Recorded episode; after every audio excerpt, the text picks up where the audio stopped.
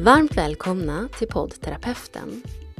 Det här är podden som handlar om samtal. Vill du vara med i podden så hör av dig till mig på poddterapeuten.gmail.com.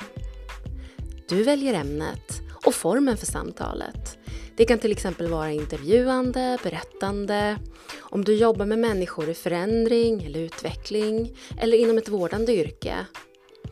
Eller så pratar vi bara här och nu om vad du sitter med, vad dina tankar och funderingar är. Vad vill du prata om idag?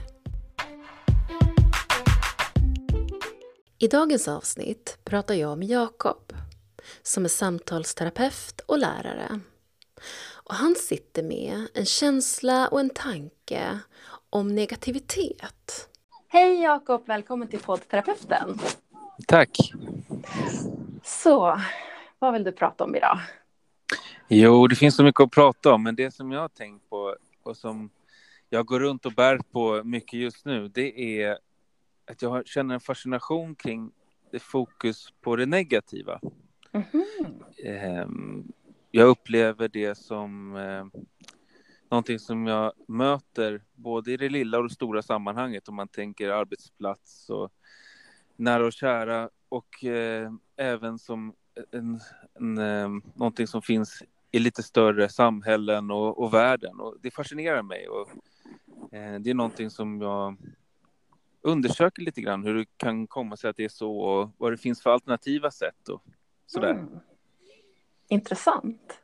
Men det är också så att jag, tycker, jag känner att det är intressant hur vår kultur har formats efter att vi förenas i saker som är dåligt. Eh, det är så vi så att säga hittar kallprat ofta. Om det inte är väder förstås, där är vi ganska överens om att om det är fint väder så hittar vi det att prata om. Men eh, ofta så samlas vi som grupp människor kring någonting som är negativt. Vi letar efter någonting att tycka negativt om tillsammans och då skapar vi någon slags trygghet och det fascinerar mig. Jag upplever att jag själv kanske, eh, i och med att jag tänker på det ganska mycket, har kommit undan eh, den typen av tankemönster till viss del. Medan jag tycker jag känner att det hindrar många andra. Eh, det begränsar okay. dem för att de ser eh, hinder och negativa saker före det som är positivt. Ja, jag förstår. Min nyfikenhet väcks i vad det är som händer med dig när du sitter med den känslan och den tanken att andra förenas i det negativa. Mm, ja, man kan vrida det så. Eh, absolut. Det, det, är ju jag som sitter här och, på sidan av och liksom märker och eh, analyserar och så. Men jag tycker också det är fascinerande som eh, fenomen. Att jag, ty- att jag känner igen det, jag ser det uppstå så ofta. Jag, om man tar konkreta exempel på arbetsplatser så eh, när man träffas i fikarummet så är det ju ofta så att liksom om det är lite stelt och så där så försöker man hitta någonting som man kan klaga lite på tillsammans för att liksom lätta upp stämningen. Och, eh, att man söker sig helt enkelt till att hitta negativa saker att hänga upp sig på snarare än att man pratar saker som man tycker är bra eller trivs med. Vad tror du det beror på då? Jag tror att det är enkelt, för man kan distansera sig till saker som man inte tycker om. Mm. Eh, på ett annat Det blir personligt att tycka om saker, men det kanske är mindre personligt att tycka illa om saker. Eh, ja, för att man stö stöter undan det. Eh, sen om man går på djupare plan, nu har jag, eftersom det här fascinerar mig så håller jag på att liksom söker mig runt lite grann vad det här kan bero på och sådär. Eh, och det finns ju teorier om eh, hur man eh, hur man ställer sig inför eh, nyheter, hur man, vad man har för... Eh, hur man ställer sig helt enkelt inför samtal, inför eh, utmaningar och så vidare. Eh, jag har också sett det. Jag kan känna igen det också. Eh, det här förenandet i, i det negativa. Mm. Um, och jag tror precis som du där att det handlar mycket om att det är lätt att förena sig kring det, för det är det som sticker ut. Mm. Nu är det ju så att om man vill så kan man ju se lite mönster i kring liksom, eh, psykisk ohälsa, hur det växer och Eh, man pratar mycket om hur sociala medier eh, påverkar oss. Och jag känner att jag behöver inte leta så länge för att hitta en röd tråd i det här. Att man kallar saker för filterbubbla och så man förenar sig, man eh, håller sig med de som tycker lika och, och eh, de man tycker eh, man har gemensamhet med, men man kanske söker sig ganska mycket undan från folk som tycker annorlunda och eh, ja, att man delar upp sig helt enkelt. Det är lättare att dela upp sig och då eh, kanske det också sitter ihop med någon slags eh, psykisk ohälsa i och med att eh, ja, man, sammanhanget, eh, man är bara trygg i, i, det sammanhanget man väljer själv. Att man är mer otrygg i sammanhang som man inte väljer själv helt enkelt. Eh, som på en arbetsplats eller när man tvingas umgås med människor som man kanske inte hade valt som Facebookvänner eller så vidare. Och det fascinerar mig.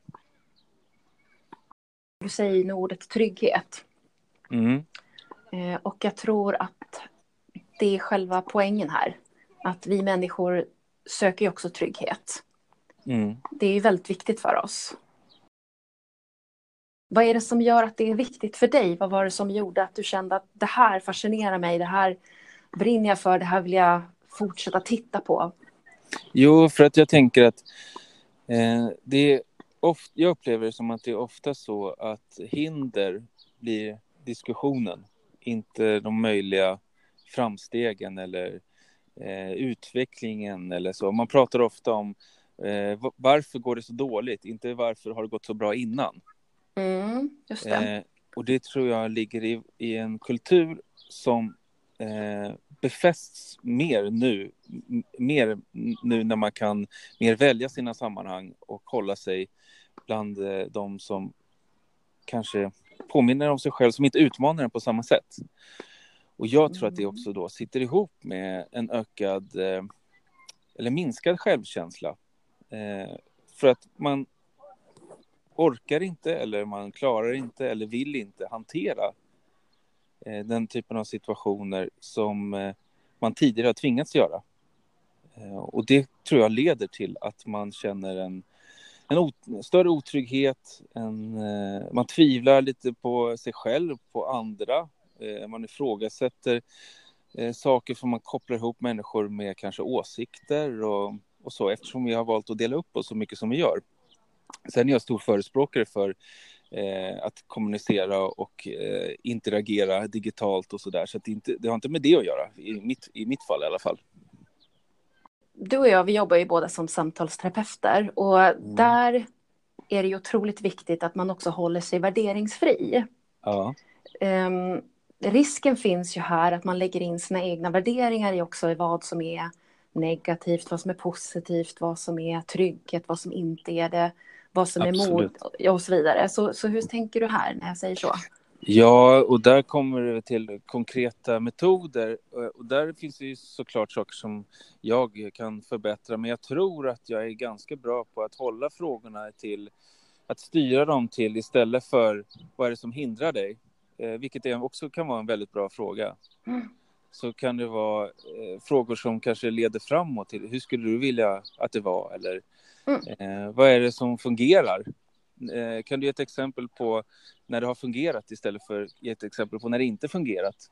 Just det. Eh, och det förhållningssättet kanske man inte kan hålla alltid. Och jag menar inte att man bara ska vara positiv, men jag tror att, att det kan behövas vända oftare på det. Och vad kan hända när man vänder på det? Det finns ju många intressanta saker som händer tycker jag. Dels så ger det energi. Ja. Det ger en energi till de som säger det och till de runt omkring. Även om, om man skulle göra någon lista och, och se att liksom, det här som vi gjorde idag innebar tre negativa saker och en bra sak. Så om man fokuserar på den bra saken så får man energi att fortsätta och vilja utforska eh, liksom möjligheterna mer. Eh, men det också innebär om man till exempel, för det har jag ju märkt, om man till exempel då eh, går in i ett personalrum och tar upp någonting som man tycker är toppen. Om vi säger att eh, om man pratar om någonting som ledningen har gjort väldigt bra, då framstår man ofta som en väldigt eh, lismande person, skulle man väl kunna säga. En person som eh, eh, ja, men som eh, ute efter karriär eller som eh, hittar på för att få vinning i något slag. Och det är intressant också. Mm, och det där beror ju också på lite grann hur man framför det för att um, um, det handlar ju mycket om vad man själv då uh, tycker och känner och tar man det från sig själv. Det är väldigt mm. lätt att säga till exempel att ledningen är bra. Mm. Ledningen har gjort bra ifrån sig. Då är det alltid lite svårare för omgivningen att ta till sig det snarare än att man faktiskt går in då i fikarummet och säger att det här kändes så bra för mig. Mm. Då tar Självklart. man ju det till sig själv och då blir det också lättare för omgivningen att ta till sig det, tror jag. Absolut, det tror jag också. Men jag tror inte att man är lika noggrann och tänker på det även när det är negativt. För jag tror att man kan gå in och säga att eh, nu har ledningen gjort det här och det är för jävligt kan man säga. Eh, mm. Eh, på samma sätt som man kanske säger ledningen gjorde bra. Eh, och sen inte som du säger koppla det till sig själv, för då blir det mer, då hotar ingen så att säga om man kopplar det till sig själv, för då är det en egen Precis. upplevelse. Mm. Exakt. Jag är väldigt besviken på ledningens beslut nu. Mm. Då är man ju väldigt konkret. Dels med Absolut. vad man tycker, vad man känner, men också eh, det blir inte så luddigt kring ledningen i stort, utan också just kanske just det här beslutet som man är mm. besviken mm. på. Och det, det låter som ett konst, en konstruktiv sak att säga. Och det, mm. det tyck, tror jag är jättenyttigt att kunna säga. Mm. Eh, och, och, ibland så tror jag absolut det är nyttigt för någon att bara få uttrycka någon slags frustration och så. Jag brukar säga att det finns ingenting som förenar människor så mycket som ett yttre gemensamt hot. Mm. Och jag tror lite grann att det är här vi har nyckeln till det som du nu vill prata om och din röda tråd. Mm. Att det handlar ändå någonstans om gemenskap. Och mm. gemenskap kan du få absolut lättast genom att ha ett gemensamt yttre hot, det vill säga det negativa inom situationstecken. Ja. Det betyder inte att det är det bästa sättet. Det betyder bara att det är det sätt som är mest vanligt, helt enkelt. Där håller jag med dig helt, men jag tycker det är synd att vi ska nöja oss där. Jag tror att vi kan ta ett steg till eftersom vi bidrar med negativ energi till både oss själva men också till de runt om. Eh, om behovet är att liksom förena sig så tror jag att vi är så pass kapabla att vi har kommit så långt i evolutionen att vi kan hitta andra sätt. Men jag håller med dig om att det är det lättaste och det är ofta det som vi väljer. Ja, och anledningen till att vi väljer det är ju precis som du säger att vi har de verktygen lättare till hands. Det är någonting som vi har valt att öva på mera. Mm. Dels eh, under vår uppväxt men också i samhället, precis som du säger. Ja. Och eh, självklart då så är det alltid intressant att kunna som, eh, ja, som samtalsterapeut till exempel ge andra verktyg. Visa på att det finns en annan ett annat sätt. Det skulle kunna gå till så här eller så här istället. Mm. Risken finns alltid där igen då, att man också lägger värderingar i det. Att det här är mm. bättre. För då tycker ja. jag, då är man lite ute och cyklar, som, mm. i alla fall från vår, vårt perspektiv. Absolut. Ja, eh, och det, det är ju skillnad kanske att se det som en teori och hur man gör det i praktiken med en klient eftersom det är önskvärt att klienten själv kommer kommer på vad, vad, den föränd, vad för förändringar, eventuella förändringar som den klienten vill ha så att säga. Det ska mm. inte jag presentera kanske, men, men om man ser det som, är, som ett fenomen som rör liksom mänskligheten eller samhället så tycker jag att det är intressant att prata om det. Jag tänker också mycket på det du sa, det här med internet som har filterbubblor och att det har blivit lättare för oss att välja våra våra bubblor då. Mm. um, innan internet, innan all den här teknologin som vi har idag, så var vi på ett sätt mer i våra filterbubblor. För rent fysiskt var det inte lika, lika lätt att kunna vara inne i andras sammanhang. Mm. Så det är både och. Internet kan ju också ge oss en helt annan eh, förmåga att enklare gå över till andra sidan om vi vill det. Mm, absolut, men jag tror att nu är det, är det risken att man nöjer sig med, eh, med enk, lite enklare förklaringar. Eh, sen, som sagt, för eh, möjligheterna som finns med eh, ja, kontakter, digitala kontakter och sociala nätverk och sociala eh, spel och så vidare. De är fantastiska och de tycker jag gör jättemycket gott, men vi har inte riktigt lärt oss dem ännu tror jag. Det finns så mycket outforskat här som man skulle kunna använda sig av. Det här är någonting som du vill fortsätta titta på och jobba med om jag förstår det hela rätt. Ja, jag tror att alltså, när man tittar runt lite grann på forskning hit och dit och så där och ser eh, ja, men psykisk ohälsa och vad är hälsa överhuvudtaget så stöter man ju på olika begrepp. Och ett av de begreppen som jag fastnar för som jag tycker är intressant, eh, sen hela paketet är en sak, men kon som koncept så tycker jag att det är intressant, det är det här salutogent eh, förhållningssätt. Eh, forskare, han heter väl Aron Antonovsky tror jag, och det var inte, mm. han är inte nutida, men han är aktuell tycker jag på, på så mm. sätt att han, han pratar om att hälsa är ju egentligen inte hur man eh, medicinskt mår, utan det är hur man känner sig. Eh, och och eh, lever man i ett sammanhang eller i ett samhälle eller i ett, ja, vad det nu skulle kunna vara, där det är mycket negativ energi, så tror jag att det tär på en. Jag tror att man helt enkelt får sämre hälsa av det eh, än om man omger sig med positiv energi. Och då som sagt menar jag inte att man inte får ta ut sin frustration ibland, utan det jag menar är när det blir en kultur att umgås negativt. Eh, och där, det kan ju vara en del i att eh, psykisk ohälsa ökar när eh, kompetensen kring det också ökar, vilket borde betyda att det sjunker. Eh, men det gör det ju inte. Det sjunker ju tyvärr inte, utan det ökar ju psykisk ohälsa. Ja, och det där är ju klurigt för att eh, vi har ju inte mätt eh, psykisk ohälsa eh, särskilt eh, konsekvent under så lång tid. Så att det där, vi, man får ju olika instrument också för att mäta det. Så det, no, det är lite klurigt. Um, men jag gillar också det där synsättet. Jag tycker att det, det, är, det är ett klokt synsätt att se på dels det här med förståelsen eh, kring varför man till exempel mår dåligt. Då.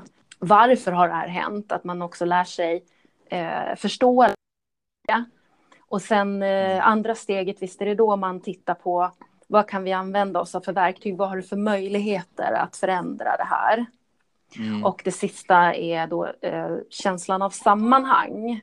Eh, det här ja. KASAM, att vad är det då som förenar? Vad är det som, vad, har, vad känner jag för plats i samhället? Vad har jag för, för, um, ja. för någonting? Ja, det kan ju vara, eh, vad har jag för roll i mm.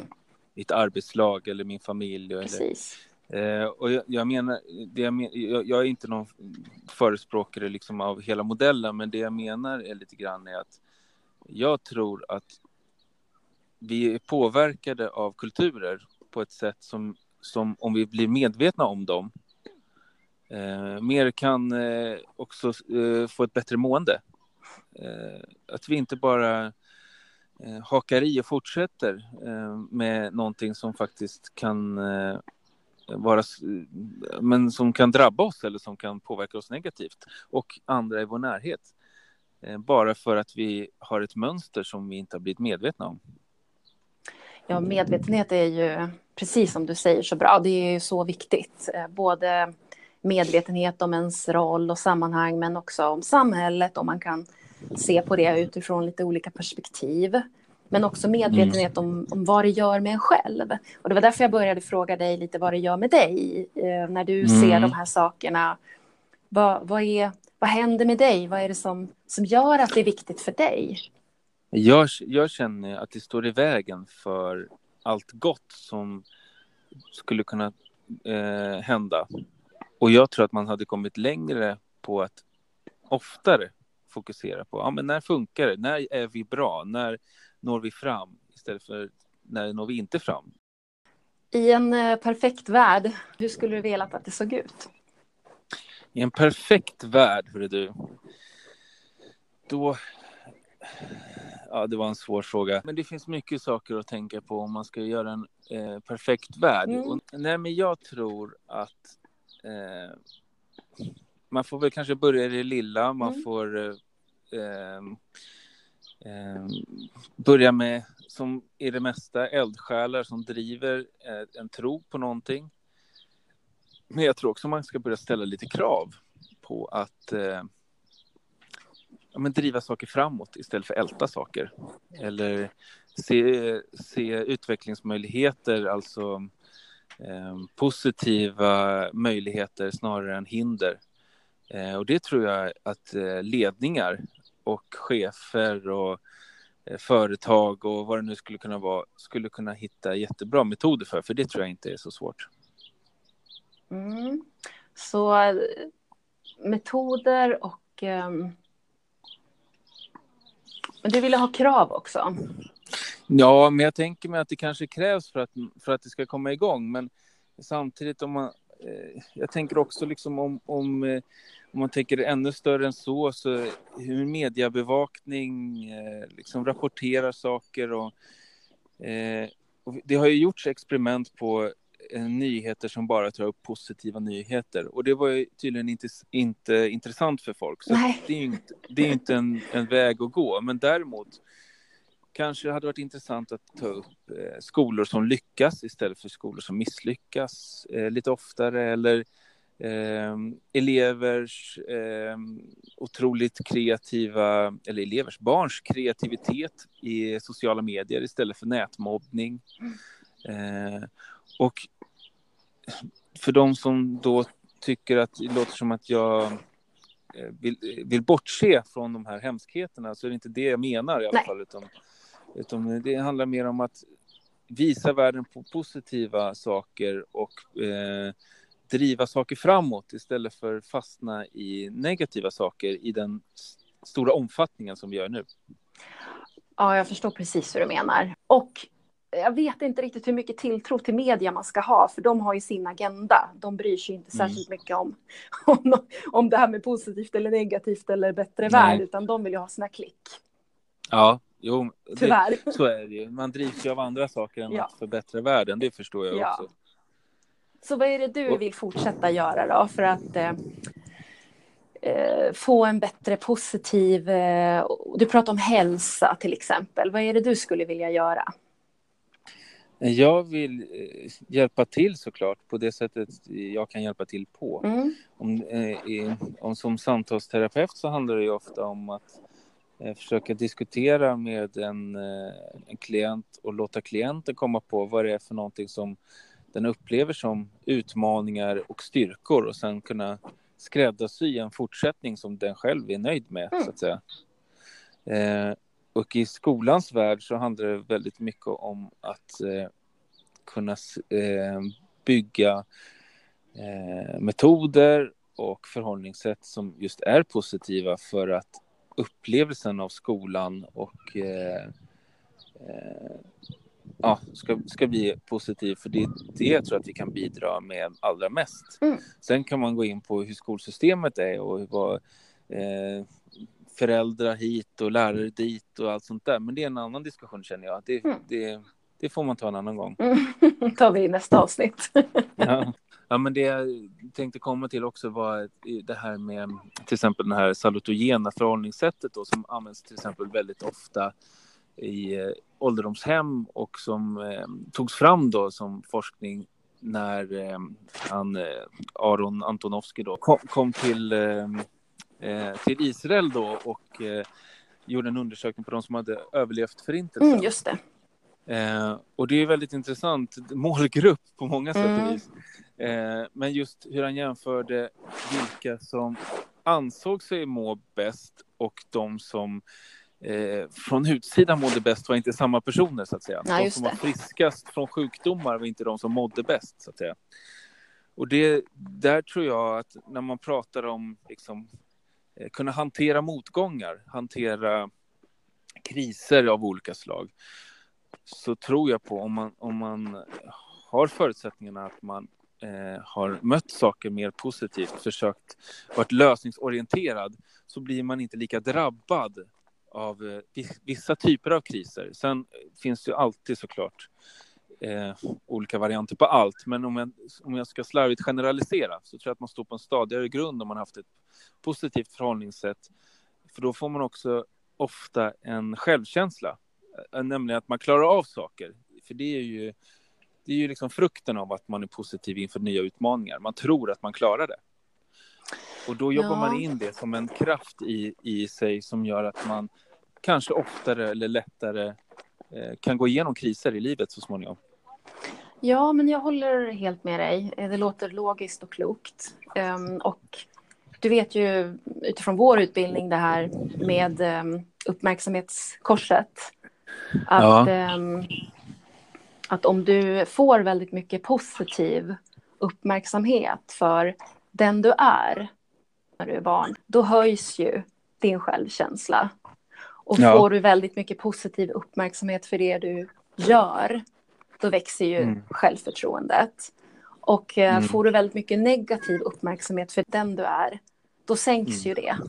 Och så vice Ja. versa. Umgås med den personen som bekräftar dig eh, mest för den du är Mm. positivt. Och bada i det ett tag.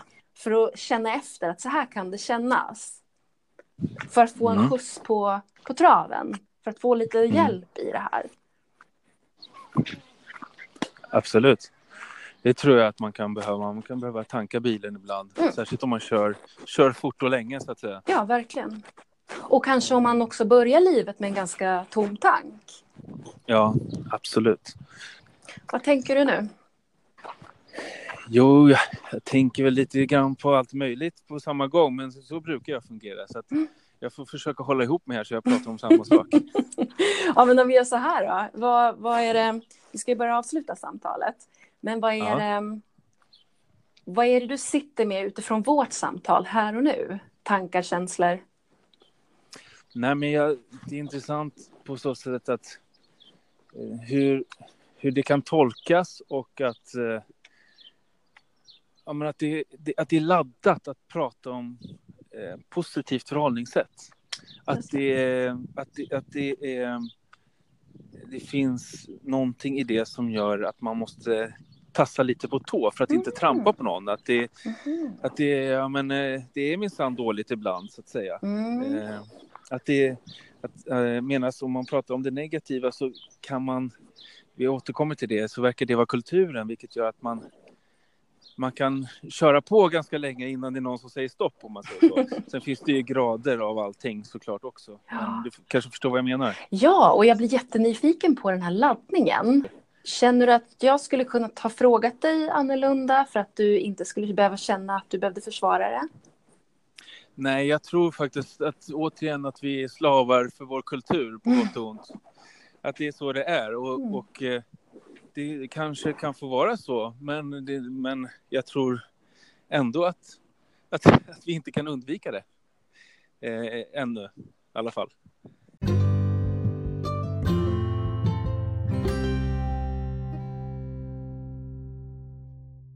Sista orden här nu då. Vad är det du skulle vilja Oj då. Då säga? var, ja, men då varnar jag redan nu att det inte kommer bli assmart. Eh, Okej.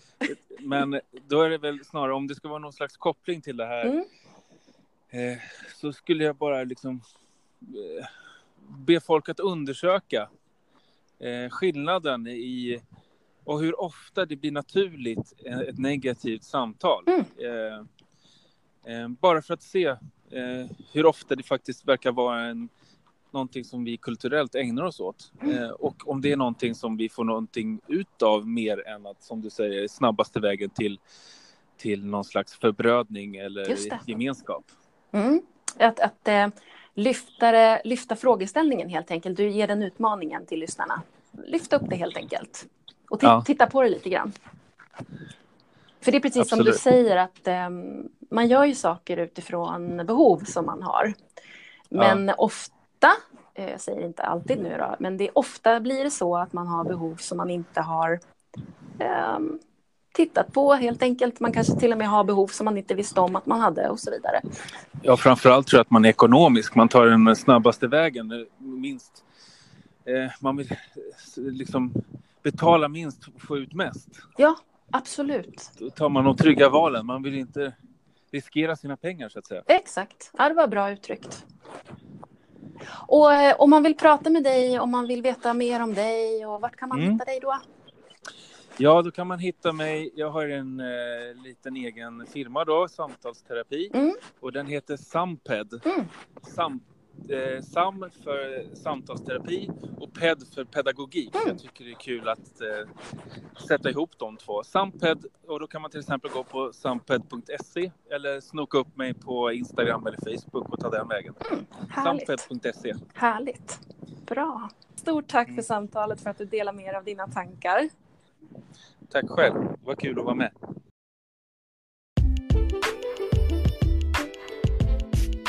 Och det där var allt för dagens avsnitt.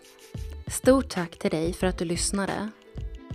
Visst är det viktigt att man medvetandegör sina mönster och sina tankar och sina känslor för att komma vidare, att medvetandegöra och se okej, okay, det här är mitt mönster, det här är min plattform, det här kan jag utgå från och det här är mitt önskade läge. Vi hörs snart igen hoppas jag.